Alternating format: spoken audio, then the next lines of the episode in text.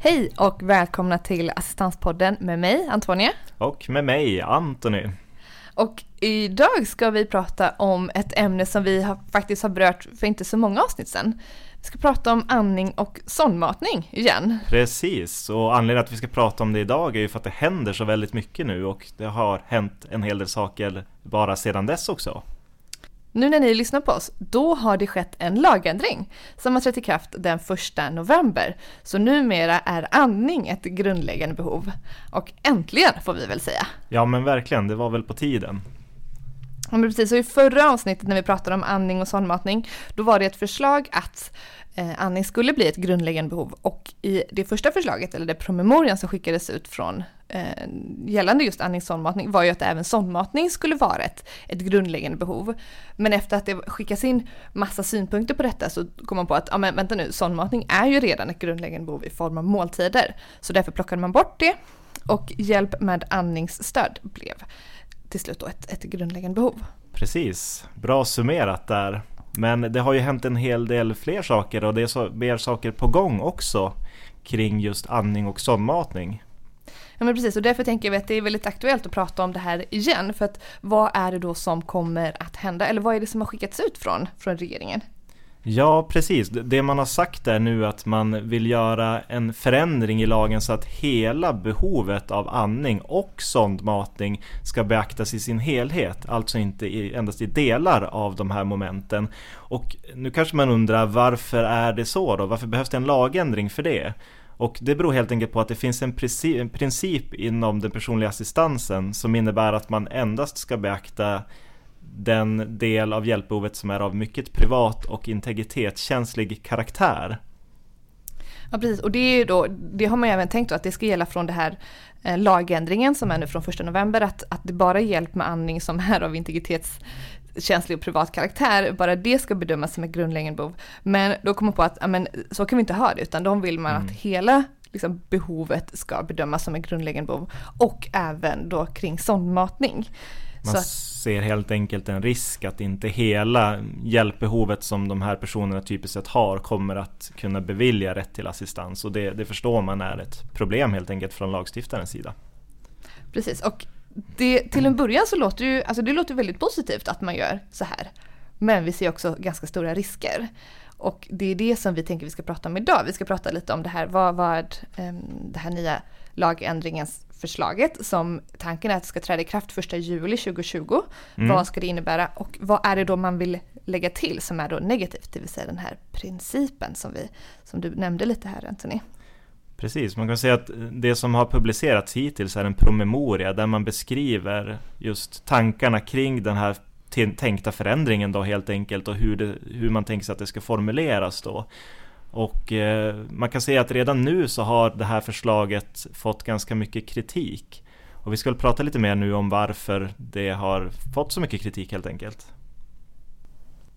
Okej, så det som tanken är med det här, lag, med det här förslaget då, det är att man ska göra bedömningen gällande sondmatning och andning och då ska man inte tänka på att det ska vara privat och integritetskänslig karaktär. Och man ska inte heller göra något avdrag för det som kallas för normalt föräldraansvar som man vanligtvis brukar göra vid bedömning om man har det här, vid bedömning av de grundläggande behoven helt enkelt. Mm. Men för att kunna göra sådana här undantag för just de här två behoven, det vill säga andning och sondmatning, då måste vi också föra in den här principen i lagtext.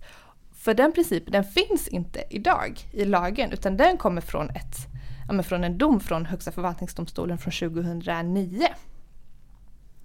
Precis, och anledningen att man tänker så här, eller som det har motiverats då från Socialdepartementet, är att eh, man kan inte göra ett undantag från en regel om den inte finns i lagen. Eh, så därför menar man helt enkelt på att man måste föra in den här principen i lagtexten då. Precis, och det vi tänker att vi ska prata lite om det är just varför är den här principen, ja men varför är det inte så bra att den förs in i lagen? För det är det som blir ja, problematiskt helt enkelt. Ja, precis. Och som man också har menat det från lagstiftarens sida så, så menas det här inte innebära någon ändring i praktiken utan det, det handlar helt enkelt bara om att man kodifierar eh, den princip som redan finns då in i lagen helt enkelt. Okej, men jag tänker för att förstå varför det här, det här promemorian har fått eh, så mycket kritik så måste vi då gå till botten till vad, vad innebär den här principen och hur har den uppkommit? Så, ja, precis. Ja. Man kan väl säga att den uppstod genom att Högsta förvaltningsdomstolen meddelade en dom 2009 där man då sa att hjälpbehoven ska vara av en mycket privat och integritetskänslig karaktär Eh, Eh, men, men för att förstå hur det här i sin tur hände så måste vi backa bandet ytterligare då. Om man först tittar på när personlig assistans infördes eh, genom LSS då 1994 så fanns det inget krav på grundläggande behov för att man skulle kunna beviljas personlig assistans. Ett sådant krav kom först eh, två år senare, 1996 då. Ja precis, och det var då som de här ja, men, krav på att man skulle ha de här grundläggande behoven infördes för att man då skulle kunna beviljas assistans. Och då sa man det att den som behöver hjälp med sin personliga hygien, med, sin, med på avklädning, med måltider, kommunikation och, och an, annan hjälp då som förutsätter ingående kunskap, då kan man beviljas personlig assistans för alla sina behov. Mm. Um, och när man prövade de här grundläggande behoven, då prövades de i sin helhet. Så att om då ett toalettbesök skulle ta 10 minuter så beviljar man, alltså då beviljas man assistans om 10 minuter för att det var det, ja det var det helt enkelt det hela grundläggande behovet. Mm. Så man beaktade helt enkelt hela det grundläggande behovet när man gjorde bedömningen då. Man gjorde ingen åtskillnad här mellan vilken typ av karaktär det handlade om. Nej. Om man blickar sedan lite längre framåt då så tog Försäkringskassan fram ett informationsmeddelande i november 2007 där man bland annat beskrev hur man skulle göra bedömningen av de grundläggande behoven. Och det var väl egentligen först här då som man började prata om att behoven ska ha, vara av en viss karaktär. Och här konstaterar man helt enkelt då utifrån vissa uttalanden från förarbetena, alltså från de första förarbetena som eh, låg till grund för LSS då, att det krävs att den är av en mycket personlig karaktär, att det ska handla om eh, komplicerade situationer. Och det man menade i informationsmeddelandet då var då att man måste titta på karaktären av de här olika hjälpbehoven. Det skulle typiskt sett inte vara sån hjälp som likväl skulle kunna utföras av kommunal hemtjänst menade man då. Precis, men det är ju inte det här informationsmeddelandet som är varit styrande utan det var ju egentligen då en dom som kom 2009 från Högsta förvaltningsdomstolen. Eh, och alltså i den här domen så har ju de inte hänvisat till Försäkringskassans informationsmeddelande från 2007 men man kan ändå se att de har gått på Försäkringskassans linje. Och det de slog fast i domen det var att, att för att det ska kunna betraktas som ett grundläggande behov så ska det vara mycket privat och integritetskänslig karaktär. Och det innebär då att inte alla praktiska hjälpbehov som men, som i personlig hygien eller i av och påklädning ska bedömas som, eller de är inte här, kvalificerade så att de ska bedömas som ett grundläggande behov utan mm. det, det, kan bli åtskillnad. Hjälpbehov kan både vara grundläggande och ett övrigt behov. Mm. Man delar helt enkelt upp dem beroende på vilken del som eh, uppfyller kraven på karaktär helt enkelt då. Eh, men det är intressant så, för det är precis som du säger så Högsta förvaltningsdomstolen nämner aldrig det här informationsmeddelandet. Däremot om man läser, läser domen så kan man se att parter anför det eh, med hänvisning till just det här informationsmeddelandet. Så man kan ju fråga sig om det har ändå påverkat eh, domstolens tankar och bedömning i frågan. Men om vi ska titta närmare på konsekvenserna då av den här domen eh, och, och vi återgår till det här exemplet med toalettbesöket som du tog.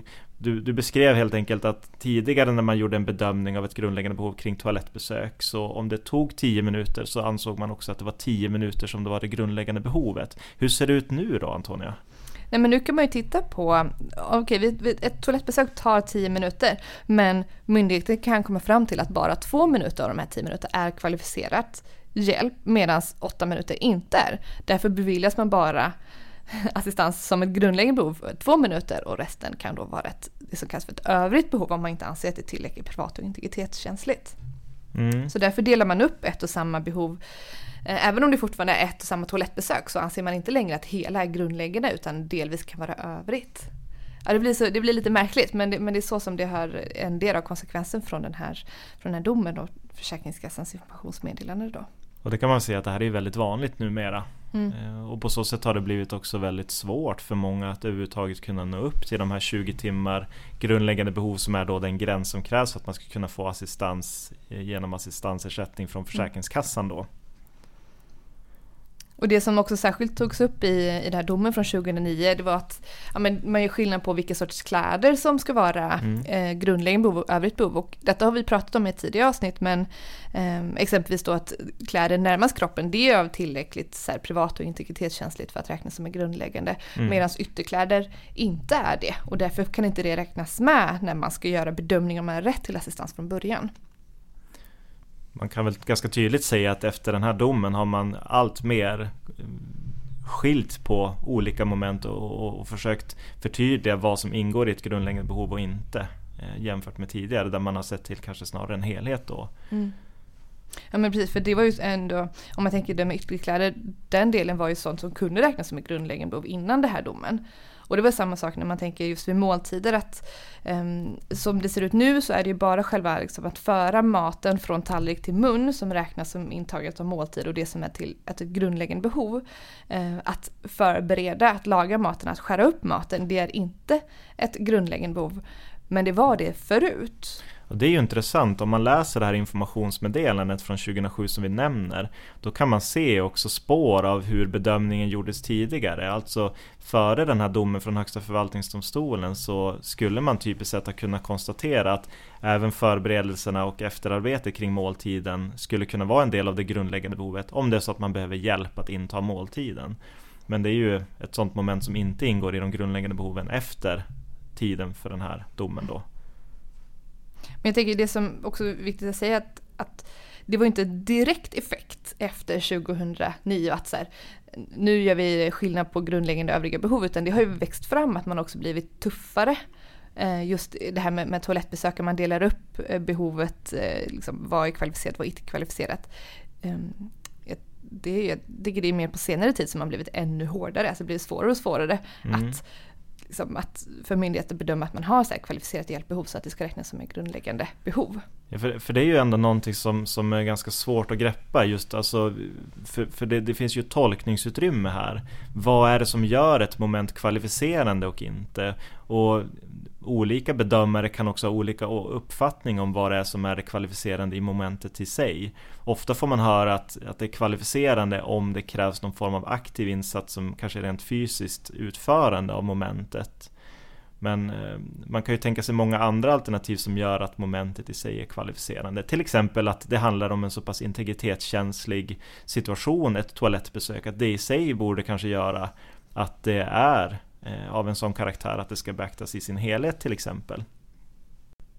Men om vi då ska kika lite grann vidare, vad är det som gör att man riktar kritik mot förslaget om att införa principen i lagtexten då? Jo, men, men i grund och botten så, så handlar det om att principen som Högsta förvaltningsdomstolen slog fast då 2009 anses vara direkt felaktig. Och den här principen har gjort att det fått otroligt stora konsekvenser för väldigt många personer som har assistans. Och det har inneburit att, att många personer som har omfattande hjälpbehov alltså inte längre har rätt till assistans trots att hjälpbehovet i sig för personen har inte ändrats. Men bedömningen, den har förändrats. Så att det är just att ja, men det har det verkligen förändrats och påverkat så många personer som inte har liksom ett, ett de har fortfarande jättelika stora hjälpbehov. Men nu, nu bedömer man det helt enkelt annorlunda. Mm. Och ser man till debatten kring den personliga assistansen så just andning och sondmatning har ju varit, fått ganska mycket uppmärksamhet men, men i grund och botten är det egentligen en ganska liten fråga sett till assistansen. Det, det är ju självklart bra att människor med de behoven får den hjälp de behöver. Men ser man till assistansen i, i sin helhet så har ju just den här frågan kring den här principen eh, varit väldigt het. Och eh, man kan väl fråga sig nu om, om tanken har varit att alltså man, man, riktar kritik mot att den här principen måste bort och nu plötsligt bestämmer man sig för att vi ska föra in den i lagen istället. Då är frågan vad det skickar för signaler. Det blir ju en form av bekräftelse att man inte ser några problem med den här principen utan snarare att man befäster den. Mm. Ja, men precis. Samtidigt så har socialminister Lena Hallengren försvarat förslagets utformning i, i promemorian att det här innebär inte förändring i sak. Um, och att det då måste förankras i lag för att man ska kunna göra undantag. Men hon menar på att alltså bara för att de stoppar in det här i lag så kommer det inte innebära att det blir en faktisk förändring utan det är så de gör idag. Men jag tycker ändå att det, ja, det, det ändå, blir ändå problematiskt för att då kommer mm. det myndigheternas bedömning, som sagt, de befästs ännu mer att de gör rätt när debatten säger att de, det kanske inte är rätt till en början. Ja, precis. Det blir ju svårt att, att hänvisa till om man tänker sig att grundtanken från lagstiftarnas sida var aldrig att den här principen skulle få den här bärigheten. Då blir det väldigt konstigt att man samtidigt nu eh, i modern tid befäster den genom att föra in den i lagen helt enkelt. Men hur ser vi idag på förslagets utformning Antonia? Nej, men jag tänker att alltså, när det gäller med sondmatning och andning att hela behoven ska beaktas som är grundläggande mm. behov. Det är såklart jättebra att mm. man inte behöver räkna bort någon tid för för och efterarbeten. Att, att man inte ska tänka på föräldraansvaret för att, eh, ja, men för att helt enkelt de här hjälpbehoven de är så omfattande att man inte ska räkna bort ett vanligt föräldraansvar. Så i grund och botten, alltså jättebra. Ja. Men det är klart, vi är oroliga för att det här införandet av principen kommer försvåra framtida arbete att ta bort principen. Mm. Såklart. Jag tycker också det är konstigt att man skiljer så tydligt på grundläggande behov från grundläggande behov. För nu blir det väldigt olika bedömningar. Alltså vissa grundläggande behov kommer då bedömas utifrån den här principen medan just de här specifika grundläggande behoven, här har man undantag från den här principen. Och eh, jag tycker också att det är väldigt märkligt om man tänker sig hur man ska Ska man nu varje gång man upptäcker något nytt behov som man typiskt sett inte riktigt fångar upp med assistansen Ska man då lägga till det som ett tillägg varje gång? För eh, om man, om man vänder på det och tänker när assistansen infördes från början Då var det ju motsatsvis så man tänkte att man tänkte helt enkelt att det är behovet som styr. Alltså man har, man har en ganska öppen ingång för att komma in i den personliga assistansen. För man måste se till individen, vad individen behöver hjälp med och försöka hjälpa dem till ett självständigt liv. Men jag tänker också att det blir märkligt att man Alltså man vill ta bort eh, det här att man ska göra den här bedömningen om att det ska vara privat och integritetskänsligt och man ska ta bort föräldraansvaret för just de här två behoven. Mm. Men bekostnad på att man kanske gör, blir ännu hårdare på de de tidigare behoven där med personlig hygien och, och kommunikation. Jag tycker man behöver öppna upp för att det ska vara lättare för, alltså för även för att de här behoven ska berättiga till personlig assistans mm. så som var tänkt från början. Mm. Jag håller med dig och jag tror att det kanske är lite naivt att tro att om man för in den här principen i lagen så blir det ingen ändring i sak. Jag, jag tror precis som du är inne på Antonia att, att det kommer att få konsekvenser. Mm. Men det man kan säga är att än så länge så är det bara en promemoria som har skickats ut och eh, det har inte, inte blivit något lagförslag eller lag ännu så att vi har möjlighet att påverka. Ehm, så därför kan man skicka in remisser och skicka in sina synpunkter på det här förslaget och komma med, med alternativa lösningar eller förslag på förbättringar. Och, och ska man vara lite optimistisk där också så har man ju faktiskt varit väldigt duktiga på att lyssna på den remisskritik som man har fått förut och försökt eh, anpassa sina förslag utifrån det. Så att det finns ju fortfarande hopp om att få till en bra lösning i slutändan här. Men hur tänker vi, finns det någon alternativ lösning om man ser till, till den här frågan? Vad skulle man kunna tänka sig istället? Nej men alltså jag tycker det är viktigt att, att man ser över hela grundfrågan om, om hur personlig assistans ska bedömas och hur man ska bevilja den idag och framöver. För att det är uppenbart att det idag finns stora brister i, i assistansen och att hur bedömningarna görs, vilket innebär att personer med väldigt omfattande hjälpbehov inte, inte längre har rätt till assistans, trots att man kanske har haft det hela sitt liv. Mm. Så därför behöver man ju gå igenom, ja, men vad är det som har hänt och hur kan vi komma bort från de här bedömningarna helt enkelt. Mm. Och inte kanske inte bara inrikta sig på, precis som du sa, att det här hjälp med andning och sondmatning, jättebra att det kommer in, men det är ganska få som, alltså om man tänker i det stora hela så är det ganska ja. få som omfattas av det här. Ja. Ehm, så att jag tänker man behöver gå in på, på hela frågan helt mm. enkelt. Ja, men bra sagt. Eh, och själv, själv har jag tänkt mycket på just det här med att man inte längre garanterar kontinuiteten i, i insatserna som man får. För där känns det som att det finns en stor brist idag i att att det förändras så pass mycket av att man från myndigheternas sida gör en, en omtolkning eller en ny tolkning av en och samma lagtext som har funnits under alla dessa år. Alltså att, att det, det sker ingen lagändring men det sker en, en så stor ändring i, i praxis och hur man, hur man ut, utför de här bedömningarna då. Att personer som tidigare har fått assistans inte längre får det eller får det i, i en mycket mer begränsad omfattning än tidigare. Trots att det inte har skett en förändring av själva hjälpbehovet. Och det är såklart en otrygghet för den som, som har assistans eller den som söker assistans. Att man inte helt enkelt eh, vet. Jo, det är väldigt märkligt att myndigheter får göra så, tycker jag. Alltså, Mm. Eller myndigheter, för det blir ju ofta de, det som styr att, om exempelvis Försäkringskassan går igenom förarbetena och tycker att nu, nu tolkar vi på det här sättet. Mm. Och sen så, så, så ändras flera beslut för, för enskilda och så överklagar man det och sen så till slut så kanske även det fastställs i praxis att, eller i kammarrätten eller i olika domar och avgöranden att den, tolkning, den nya tolkning som Försäkringskassan gjort är korrekt.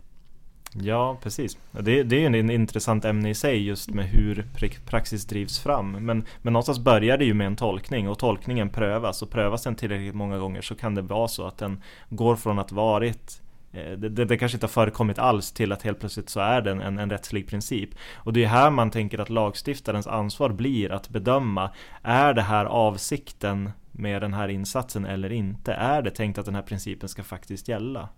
Och det kan man ju verkligen rikta den frågan till, till lagstiftarna nu att är det verkligen tänkt att den här principen om att karaktären på hjälpbehoven ska vara mycket privat och integritetskänslig är det verkligen tänkt att det ska vara en del av lagstiftningen?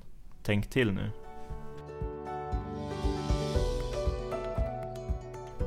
Då har vi fått in en lyssnarfråga eh, från Nathalie, heter hon. Och det hon har frågat är vad händer egentligen med LSS-utredningen som släpptes i januari? För det var väldigt mycket prat om det i början på året. Men nu är vi i slutet på året och vad har hänt? Ja, det var ju faktiskt en jättebra fråga. Det har inte hänt så mycket och, och känslan man har fått och, eh, verkar vara att det finns någon slags överenskommelse om att man ska inte gå vidare med LSS-utredningen. Förslagen har fått så pass mycket kritik redan. Sen vet jag att det har pratats om huruvida den ska gå ut på remiss så att man får också eh, faktiskt formulerade remissvar också för att, för att förankra den här kritiken. Men, men mig veterligen så är det väl ingenting som är bestämt ännu. Nej, nej men precis. Utan istället så har det kommit två stycken andra.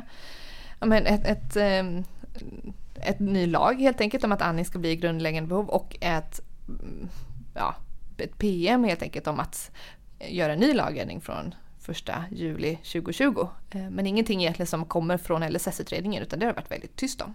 Mm, precis. Har du också en, en lyssnarfråga som du vill att vi ska ta upp här i podden eller har någon annan fundering så är det jätte, går det jättebra att ta kontakt med oss via vår mejl assistanspodden at humana.se. Man kan också gå in på vår Facebook eller på vår Instagram och så kan man ställa frågor till oss där. Men eh, annars så tycker jag vi tackar för oss. Ja, tack för att ni har lyssnat. Ja, tack så mycket. Hej! Hej!